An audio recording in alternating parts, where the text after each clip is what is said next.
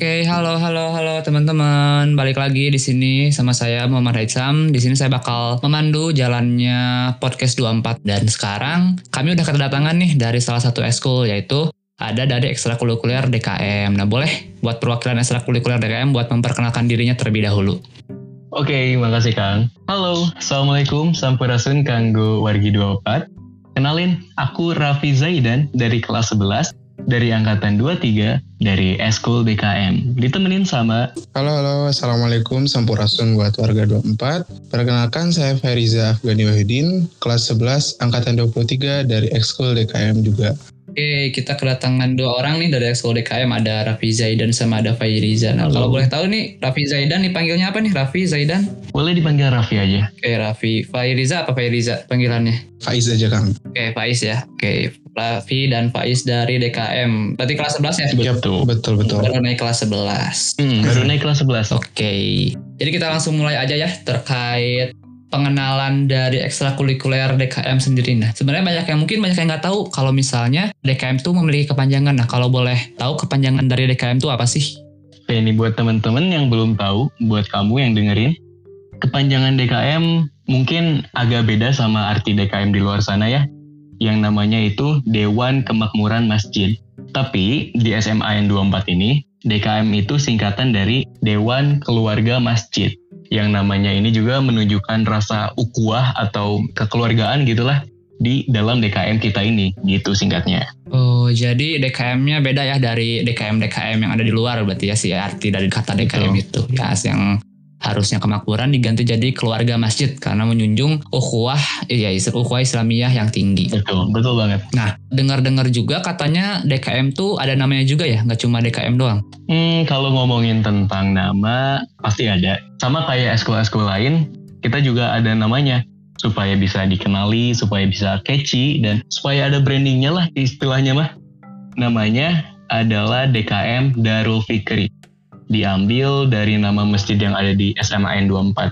Lebih jauh lagi, kalau kamu mau tahu nih teman-teman, Darul Fikri itu artinya tempat orang-orang yang berpikir. Keren. Nama adalah doa ya kan? Iya, Kira-kira gitu. Iya, iya, iya. Nama adalah doa, tempat orang-orang berpikir kayak gitu. Oke, selanjutnya kalau boleh tahu nih gimana perjalanan sejarah DKM Darul Fikri di SMA Negeri 24 Bandung. Oke, jadi untuk sejarah perjalanan DKM Darul Fikri itu saya nggak terlalu hafal begitu rinciannya, tapi perjalanan awal Darul Fikri itu dibangunnya sedari masih musola gitu. Ketika SMA Negeri 24 Bandung berdiri dan memiliki musola tuh udah ada DKM di situ tuh, tetapi hanya sebatas kumpulan remaja.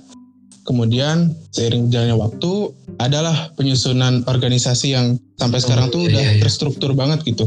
Dan sekarang ketika musolanya udah jadi masjid, udah terorganisir, alhamdulillahnya tetap terjaga gitu ukhuwahnya dan alhamdulillah sampai angkatan saya sama Raffi itu udah di angkatan ke-23. Oh, udah Betul, 23, 23 angkatan. Iya. Oh, nggak tuh? berarti ya? Iya. Dari 1998 kali ya? ya? 98 berarti. Ya. 98 dan bahkan aku juga pernah dengar bahwasannya sebelumnya tuh ada gitu, gak, gak langsung tiba-tiba DKM gitu. Jadi Iya. ukhuwahnya tuh apa ya, semangat dakwahnya tuh udah ada dari sebelum ada nama DKM. Betul. Kalau gak salah tuh namanya Allah. KPRI. Oh, hanya saja KPRI. diubah ya. Jadi kira-kira dari tahun 80 tahun 90-an tuh udah ada gitu. Oh, Hmm. asalnya KPRI terus berubah gitu namanya jadi DKM berarti ya. Iya, Berarti udah lebih harusnya udah lebih 23 angkatan berarti ya. iya, Iya, iya. iya. Dan yang pastinya tiap apa ya, tiap masanya tuh banyak banget rintangannya gitu. Iya iya. Tentu nggak bisa dibilang singkat ya. Sama sekali nggak bisa dibilang singkat. Pasti udah apa istilahnya ya?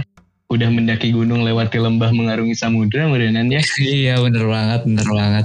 Iya, dari mungkin dari angkatannya Kang Baim mungkin kan rintangannya tuh terkait pandemi harus serba online. Mungkin kalau Hmm, angkatan satu mungkin apa Aduh, gitu ya iya, rintangannya banyak iya banget banget. sih. Iya, iya, iya. Tapi gini ay. Sebenarnya kurang tepat ya kalau nanya ke kita soal sejarah mah. Tapi ya itulah sepenggal dua penggal yang kami dengar. Kumargi kitu bilih ayah kalepatan akang teteh pendahulu senpai nyungken hapunten. Dari sepenggal dua penggal tuh udah banyak banget gimana kalau misalnya seluruh kita berarti ya. Waduh. Udah banyak banget berarti. Nah, kalau gak salah juga si DKM Darul Fikri ini kan jadi satu-satunya ekstrakurikuler keagamaan yang ada di SMA 24 Bandung. Nah jadi kalau boleh tahu tuh sebenarnya DKM tuh ngapain aja sih? Nah, menarik. Makasih buat pertanyaannya. Jadi sebenarnya banyak banyak banget kegiatan yang kita jalani, baik itu di dalam sekolah maupun di luar sekolah. Boleh ambil contoh dari yang di dalam, kayak PHBI. PHBI teh peringatan Hari Besar Islam. Waktu Isra Mi'raj misalnya, kita tuh suka bikin semacam kajian di sekolah. Di luar dari itu, ada juga yang namanya forum diskusi umat forum diskusi yang mengikut sertakan teman-teman dari luar SMA 24 Oh. dan ini tuh adalah peran penting dalam menciarkan Islam sesuai dengan orientasi DKM yaitu untuk berdakwah. Maksudnya bukan berarti harus ceramah di mimbar tapi Iya, iya. menjadi inspirasi yang baik, jadi teladan, jadi panutan supaya bisa mengajak lingkungan sekitar khususnya wargi 24 untuk bersama-sama kembali ke jalan Allah. Hmm, Masya Allah. Bagus banget ya. Iya, iya. Nah, sebelum bisa ngajak nih, maka mesti ada ilmunya dulu kan. Iya benar-benar banget, benar banget. Di sinilah DKM jadi memfasilitasi lah istilahnya, memastikan kualitas dari individu dalam DKM itu sendiri. Salah satu contohnya adalah program mentoring. Mentoring. Jadi di dalam program mentoring ini kita belajar bareng tentang Islam dengan cara yang fun, sama-sama belajar, sama-sama improve insya Allah. Karena iman dan semangat kita itu kayak baterai, ada capeknya, ada habisnya. Iya, iya. Dan dengan kumpul sama orang-orang yang punya satu visi, satu tujuan, duduk bareng, insya Allah penuh lagi lah Iya itu. benar banget. Gitu. Jadi salah satu DKM tuh tujuannya tuh untuk mensiarkan Islam berarti ya di SMA Negeri 24 Bandung khususnya. Betul banget. Iya benar. Nah kalau tadi kan nyinggung juga nih tentang adanya program mentoring. Hmm. Itu tuh berarti waktu offline berarti ya? Eh, gini gini, kita tetap menciarkan dan juga membuat kajian-kajian ilmu kepada teman-teman 24 melalui YouTube Darul Fikri Media dan iya, juga iya. lewat Instagram at Darul Fikri underscore 24. Di sana tuh banyak konten-konten yang menarik buat disimak lah. Sehingga insya Allah akan tetap berjalan DKM Darul Fikri ini walaupun online. Iya, iya, iya. Nah, tadi kan udah disinggung juga tuh ada mungkin tadi lewat Instagramnya Darul Fikri underscore 24 dan lain-lain. Nah, kalau misalnya saat ini kan semuanya serba online nih. Hmm. Nah, gimana sih DKM Darul Fikri itu agar tetap survive di masa pandemi kayak gini gitu? Gimana caranya DKM Darul Fikri itu tetap berjalan gitu? Ya, terima kasih pertanyaannya sebelumnya. Menarik ya. Jadi karena semuanya serba online tuh untuk DKM Darul Fikri itu nggak bikin yang namanya dakwah atau mensiarkan agama itu berhenti. Kita tetap menjalankan kewajiban itu. Contohnya nih, kita bikin kajian-kajian ilmu untuk teman-teman SMA 24 Bandung. Contohnya di internal kemarin tuh ketika Ramadan kita tetap menjalankan pesantren kilat Ramadan, tetapi Hmm. teknisnya diubah jadi seperti webinar atau kelas online. Oh iya iya iya waktu ini ya di YouTube-nya ya? Ya betul betul. Hmm, bener. Ada segmen khusus 30 hari Ramadan itu tiap harinya ada insight-insight yang bisa nambah wawasan teman-teman selama Iya. bulan Ramadan gitu. Baik, kalau misalnya tadi kan se- setiap harinya tuh upload berarti 30 30 ini ada 30 konten 29 konten. 30 ya?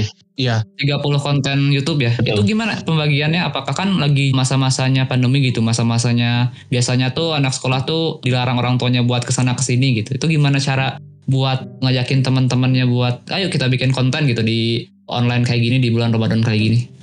sebenarnya bener ya di DKM ini menjalankannya nggak nggak sepenuhnya gitu, hanya beberapa orang. Karena kita juga tetap mematuhi yang namanya protokol kesehatan. Iya iya. Jadi untuk Wajib proses syutingnya sendiri ada beberapa orang tim yang mana satu orang merekam dan yang satunya lagi mengisi dan itu tuh bergiliran selama 30 hari dan persiapannya pun gak pas Ramadannya ada persiapan dari jauh-jauh hari supaya tidak terlalu sering bertemu gitu Oh iya iya. Jadi kayak kayak, kayak dicicil-cicil gitu ya, kayak dicicil-cicil gitu ya. ya betul Iya, betul iya, iya. Dan di YouTube-nya juga waktu Ramadan upload tiap hari ya Is? ya benar benar benar Oh iya ya di, di ada di akhir-akhir kalau nggak kalau nggak salah aku lihat juga ya di Mm, YouTube-nya. Hmm, iya bisa, bisa bisa ya bisa juga kalau misalnya tadi kan misalnya pengisinya nggak bisa hadir nih oh, berarti bisa lewat zoom juga berarti ya Mm, betul. benar benar benar Bisa kita nyiapin lewat online conference. Terus ada beberapa episode juga yang kita bikinnya via Zoom. Iya bener. Dan harusnya sih nggak ada alasan untuk nggak tetap jalan ya, karena alhamdulillah kita dikasih hidup di zaman yang gampang. Banget. Kita nggak hidup di zaman Sultan Hasanuddin yang mungkin surat-suratan masih harus pakai merpati kan kita nggak tahu. Jadi harusnya ini nggak jadi kendala sih insya Allah. Dengan perkembangan zaman itu memudahkan kita untuk yang namanya berdakwah gitu. Bener-bener. Lelahnya jadi lilah lah ya berarti. Amin. Betul Betul. keren. Amin. Amin. Ya, waktu kemarin-kemarin juga nih boleh diceritain gak sih persiapan-persiapan waktu pesantren Ramadan nih? Soalnya kan pesantren Ramadan tuh waktu Ramadan tahun lalu tuh disiapinnya tuh emang bener-bener yang aku lihat ya emang bener-bener matang banget gitu mulai dari si jadwalnya mungkin dari si pematerinya juga dan lain-lain tuh gimana sih persiapannya tuh? Gimana nih? Mau Faiz mau saya yang jawab Faiz? Oh mangga boleh. Sebenarnya kalau persiapan ya pasti nggak mungkin ngedadak pas Ramadan dari sebelum sebelumnya juga. Shout out buat Kang Baim, Oh, iya. ketua DKM Baim. kita. Udah wanti-wanti, udah suruh ini, udah suruh ini. Pokoknya Ya bener pas banget. Ramadan kita tinggal jalanin. Udah enak Iya, gitu. oh, berarti bener dicicil-cicil lagi ya berarti ya bener-bener. Betul, betul.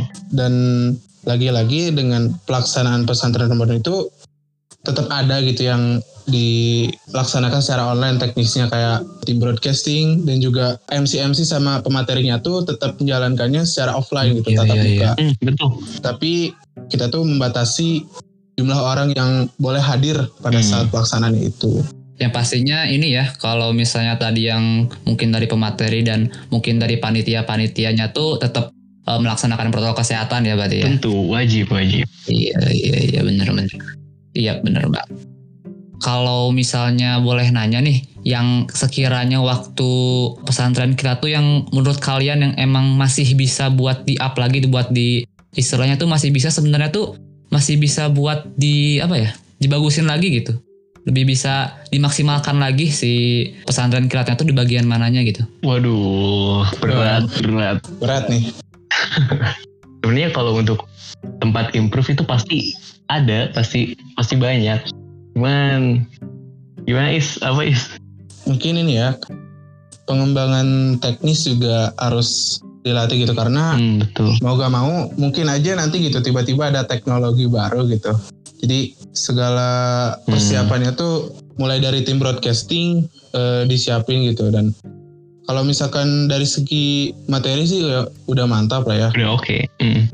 Kalau dari aku sih yang mau di improve ketepatan waktu ya. Mengingat kemarin di beberapa episode ada yang ngaret setengah Ya. jam mungkin gara-gara uh, zoomnya belum connect. Mungkin itu yang ke depannya harus dibenahi. Iya, iya. Benar banget, benar banget. Kalau dari apa ya, dari respon dari si pesertanya kan kalau nggak salah tuh pesantren kita tuh dari kelas 10 kelas 11 berarti ya tahun lalu ya yang ikutnya. Betul, betul. Nah, itu betul. tuh eh, respon dari mereka tuh kayak gimana sih respon dari pesertanya? Ya alhamdulillah ya banyak dari teman-teman Radupat khusus yang ikutan tuh kelas 10 sama kelas 11 kan ya. Banyak yang memberikan tanggapan pesantren kilat ini jadi apa ya wadah untuk meningkatkan amalan di bulan Ramadan gitu. Iya, iya. Hmm. Karena kan kalau kita tahu gitu sekarang eh, Ramadannya masih pandemi dan kegiatan tuh yang biasanya gitu. Kalau teman-teman tuh sanlat di masjid dekat rumahnya tuh biasanya padat kegiatan sehingga kalau misalkan pandemi terhenti gitu untuk sementara waktu. Jadi alhamdulillah sih banyak yang bilang ini tuh jadi sarana gitu buat tetap manasin apa ya ibadahnya gitu di bulan Ramadan tuh. Istilahnya jangan sampai karena pandemi itu Ramadannya mati. Jadi jadi penghidup juga gitu buat Ramadan-Ramadan teman-teman.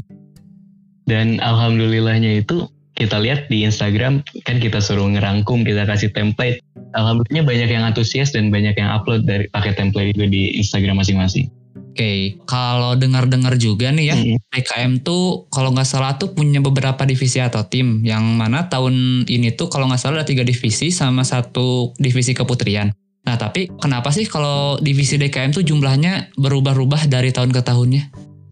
Pertama-tama apresiasi ya gaya risetnya dalam. Eh, ya dong, harus dong.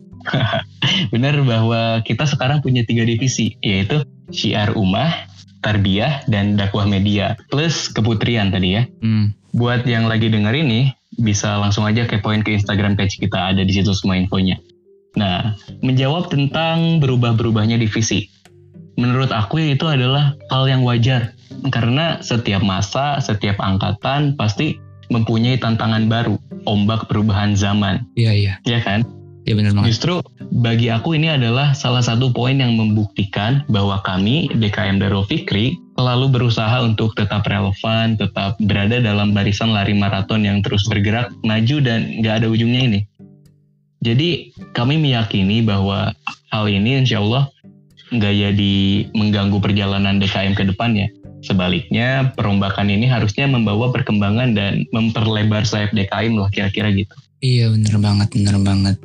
Oke, dilanjut aja ya. Mungkin jadi pertanyaan terakhir nih ya. Kalau mau masuk DKM tuh dan mau tahu DKM lebih lanjut tuh gimana sih caranya? Hmm, nah mungkin banyaknya udah nanya-nanya kayak gitu juga kali ya sekarang. Iya iya. Nah, buat teman-teman angkatan 24 yang baru mau gabung, boleh banget buat kepoin Instagram kita at darulfikri underscore 24. D-A-A R-U-L F-I-K-R-I garis bawah 24. Di bio-nya ada link, langsung kamu klik aja linknya. Dan buat kamu yang mau tahu lebih lanjut, langsung aja follow di Ita di Instagram tadi Darul Fikri underscore 24 dan it's underscore she time buat yang keputriannya. Dan jangan lupa cek kanal YouTube kita Darul Fikri Media. Oh iya, rencananya kita juga bakal hadir di Spotify. Makanya pantengin aja terus sosial media kita. Jangan lupa follow dan satu hal buat kamu nih yang mau gabung DKM tapi minder karena satu dan lain hal. Kamu nggak pede, kamu takut. Buang jauh-jauh lah itu prasangka buruk kamu karena di DKM Darul Fikri kita semua bareng-bareng. Kita belajar bareng-bareng, kita bertumbuh bareng-bareng, oke?